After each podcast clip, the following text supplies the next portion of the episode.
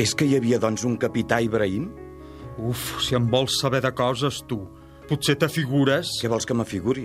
Si no sé res d'aquest Ibrahim. D'altra banda, jo no vaig conèixer el tal Solaràs més que vagament. És per un atzar que el vaig conèixer, sense tenir-hi gaire relació.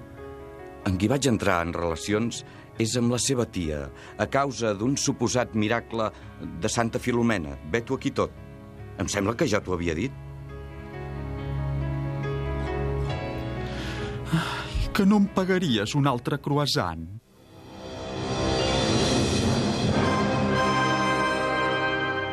Catalunya Ràdio presenta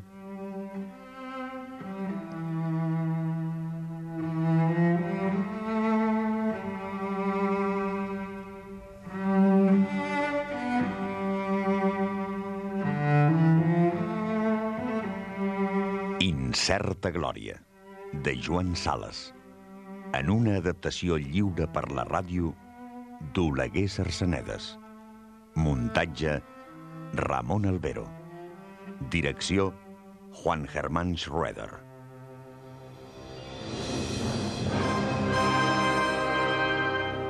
Incerta Glòria, de Joan Sales. Una producció de Catalunya Ràdio amb el suport del Departament de Cultura de la Generalitat de Catalunya. Oi que et preocupa el teu cos? Uh -huh. Oi que l'alimentes cada dia? doncs escolta, tu ets el teu cervell. I el teu cervell també l'has d'alimentar. I molt. Dóna-li el millor que hi ha. Allò que té més aliment. Els llibres. Tenen vitamina A, B, C, D, E, F, G, i així totes, fins a la X, la Y i la Z. Alimenta el teu cervell. Llegeix llibres. Catalunya.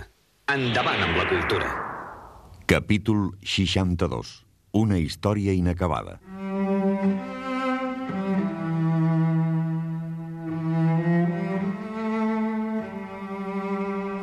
Érem força lluny del campament quan en Solaràs em va dir Ara la moneda, tothom parla dels horrors de la nostra guerra. Tot l'univers ens assenyala amb el dit. Espereu. Espereu, per favor, una miqueta i tot això quedarà pàl·lid. Jo he viscut a Alemanya, saps? I sé com les gasten. Veuràs, és el poble més civilitzat de la Terra. Faran meravelles. Anota, anota aquesta profecia, la moneda, perquè te'n recordis quan la veuràs acomplerta. Una de les manies d'en Solaràs era profetitzar. Profetitzar tort i a dret, sense solta ni volta. Sortia amb cada profecia més idiota. De tota manera, aquella vegada ho va endevinar. Sí, va endevinar que per fi s'anava a acabar la guerra, perquè l'altre tenia pressa. Vol haver-se acabat aquest pa abans d'encetar-ne un altre. I per això ens estalona. Oh, quin altre pa? Un pa com una fogassa. Faran meravelles. Tot això nostre quedarà curt. Semblarà una novel·la rosa en comparació. I em va predir que entraríem molt aviat a Barcelona. Però vet aquí que això, aquesta entrada triomfal ja imminent, canvia del tot les meves perspectives. Per entrar triomfalment a Barcelona, a mi no hi compteu. Com vols dir? Que no hi compteu! I més valdria que tu no figuressis tampoc a la gloriosa mamarratxada. És que tu i jo hi podem entrar amb la supèrbia del vencedor. Seria com fer cornut al propi pare. Em diràs que allò és una olla de grills. I bé, què? No ho és també, això? Cada un la seva olla. La teva i la meva és aquella. Si jo hagués pensat mai que els teus havien de guanyar, no m'hi hauria passat de cap manera. Que em pengin si t'entenc, Solaràs. La moneda... Tu només penses en la pobilla Miranda. I és que en el fons no ets més que un... Un què? Res. Un calent. No t'ofenguis. Res més que un calent. Va, va, va, no, no ens hem de barallar pas per tan poca cosa. Tots ho som. Tots duem això clavat al mig del front. Al costat d'això, salvar la pell no importa gaire. Hi ha molts insectes que per poder fer això hi deixen la pell encantats. La pell no és pas nostra. D'altres l'han portada abans. La matèria orgànica és la mateixa. Ens l'anem passant dels uns als altres. Plantes, bèsties i homes. Si menjo un tall de bou, el bou es transforma en solaràs. El mateix tall, menjat per tu, s'hauria transformat en la moneda. És això el que va impulsar en altre temps el poble honrat i treballador al canibalisme. Perquè és en veritat mirífic que si et menjo tu, allò que era la moneda passi a ser solaràs. Que els materialistes m'ho expliquin. La matèria és sempre la mateixa. Un vestit que ens passem dels uns als altres i que ja han portat molts abans des de fa milions de segles. Desbarra, Solaràs. M'estic referint a la tela. no la confecció. La confecció ja és cosa més delicada. És més personal, ens ve de família. Jo sóc, per exemple, pel que fa a la confecció, la còpia d'un rebesavi de qui no tinc la menor idea. No ens deixen triar la confecció. No ens la deixen pas triar més que la tela. Ens ha tocat un vestit predeterminat que ens agradi o ens faci fàstic. Em sembla que repapieges. Ens anem transmetent una forma de pares a fills. Aquest poder de transmissió d'una forma ens puja al cap i amb motiu. Som per un instant quasi com Déu. Però el nostre poder es limita a la transmissió d'una forma. Res més que una forma. Ni esperit ni matèria. Una forma i prou. Com qui diu, un fantasma. La gent no se n'adona. Feliços ells. Perquè si un s'hi encaparra, acaba amb migranya. A força de capficar-s'hi, un arriba a pressentir si no són més que formes. Fantasmes evanescents.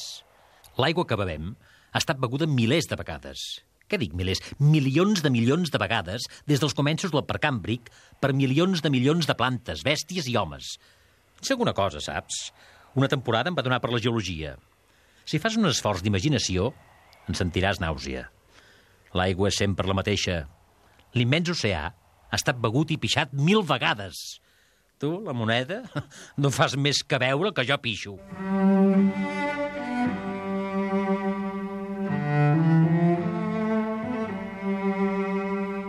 En aquest moment, el fantasma es va interrompre per demanar-me l'hora. Vaig veure aleshores amb sorpresa que ja en feia tres que érem allà. Tres hores que ell m'anava recitant sense pausa o apenes el seu monòleg. Estava guillat. Llàstima que sigui tan tard. Te'n podria explicar tantes de sonades? No deia més que bestiesa sense cap ni peus. Tant de soroll per això? Tant de soroll i un petit canvi de res a la manera de reproduir-se arruïnaria per la seva base tota la literatura que s'ha escrit en 3.000 anys. Si en comptes de dos sexes n'hi hagués tres, per exemple... No, no, tu, tu rius, la moneda. És curiós com tots els cartins els fa partir de riure la idea d'un tercer sexe. Per què us alegra tant, aquesta idea? No és pas qüestió de riure? Si ens reproduïm per mitjà de dos sexes, és per una causa contingent, de cap manera necessària. La fisiparitat, que encara existeix en els graons més baixos de les espècies vivents, hauria pogut continuar fins als més alts, i aleshores... Adeu les cames de la pubilla Miranda. Adeu Estendal. Adeu de l'amor. Adeu. Per què no us fa riure gens, la fisiparitat, cretins? És formidable com la idea d'un tercer sexe us fa tan contents i, en canvi, la fisiparitat us posa de mal humor. Què té més una cosa que l'altra? Tots són maneres de reproduir-se, però, però tornem al nostre tema, que, com deu recordar, eren els gats morts. Els gats morts altra vegada?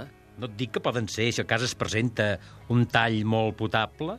Estàvem parlant de gats morts d'adopció, de divorci, quins romansos. Per què romansos? Romansos d'un verd rosa molt tendre, merda fina molt ensucrada. No faig més que repetir-te les seves paraules textuals, Cruells. Merda fina molt ensucrada. Jo ja m'havia donat que tenia, com diuen, un complex, que se li traslluïa en una mena d'obsessió contra l'adopció i el divorci. Desbarrava quan em parlava, i em parlava sovint. Potser era fill d'un matrimoni divorciat, adoptat per un altre. Més d'una vegada ho vaig sospitar, però no se'n treia l'aigua clara. Com és possible que el fill d'un altre pugui ser el teu fill? Que la dona d'un altre, la teva dona? Com si això, com si... com si un pogués escapar de la pròpia obscenitat. De la pròpia encara passi, però de la dels altres... Com es pot geure amb la dona d'un altre? No veus que el fantasma de l'altre estaria sempre allí?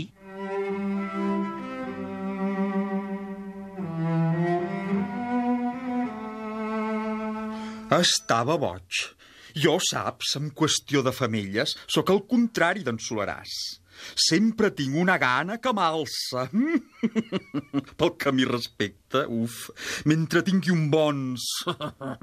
Encara que hagi dormit abans amb un no importa qui, amb Nabucodonosor en persona.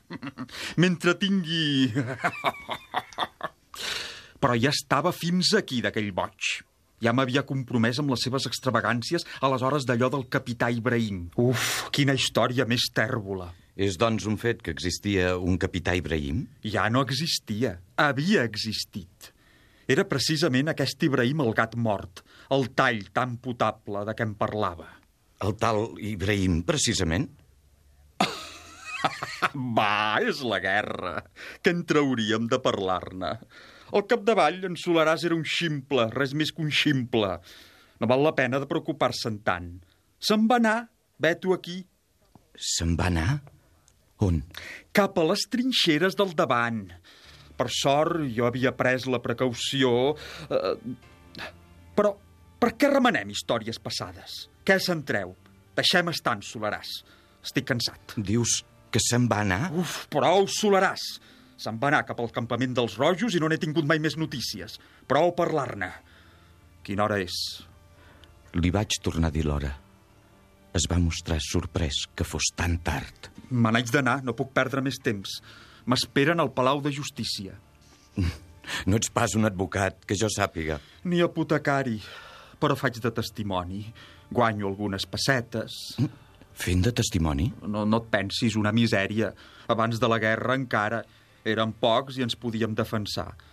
Ara l'ofici està perdut, massa competència, poca solidaritat. Hi ha esquirols capaços de declarar no importa què per cinc duros. S'havia alçat. Es va ajupir per parlar-me a cau d'orella.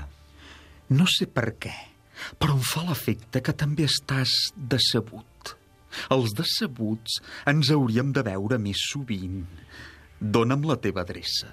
Li vaig dir, mentint, que no entenia en aquell moment, que vivia on podia, a l'atzar, esperant que em donguessin una destinació. Com jo, ja és el que em semblava. Jo també visc a la que surt d'ençà d'uns mesos. Però conservo aquella garçonier d'abans de la guerra, te'n recordes? Hi havies estat alguna vegada. T'hi havia llegit alguns trossos de les meves novel·les. Ara, amb la congelació dels lloguers, resulta baratíssima. L'he arreglada en pla d'artista. Si vens un dia, xerrarem. Ens hem de veure. Cal que els decebuts comencem a organitzar-nos. I com que jo m'excusava amb evasives, va afegir... Si vens, prometo explicar-te molts altres detalls d'en Solaràs. Fins guardo un carnet de notes que havia estat d'ell. Heu escoltat el capítol 62 d'Incerta Glòria, de Joan Sales, amb les veus de... Cruells, Enric Major. La moneda, Francesc Balcells. Solaràs, Enric Pous.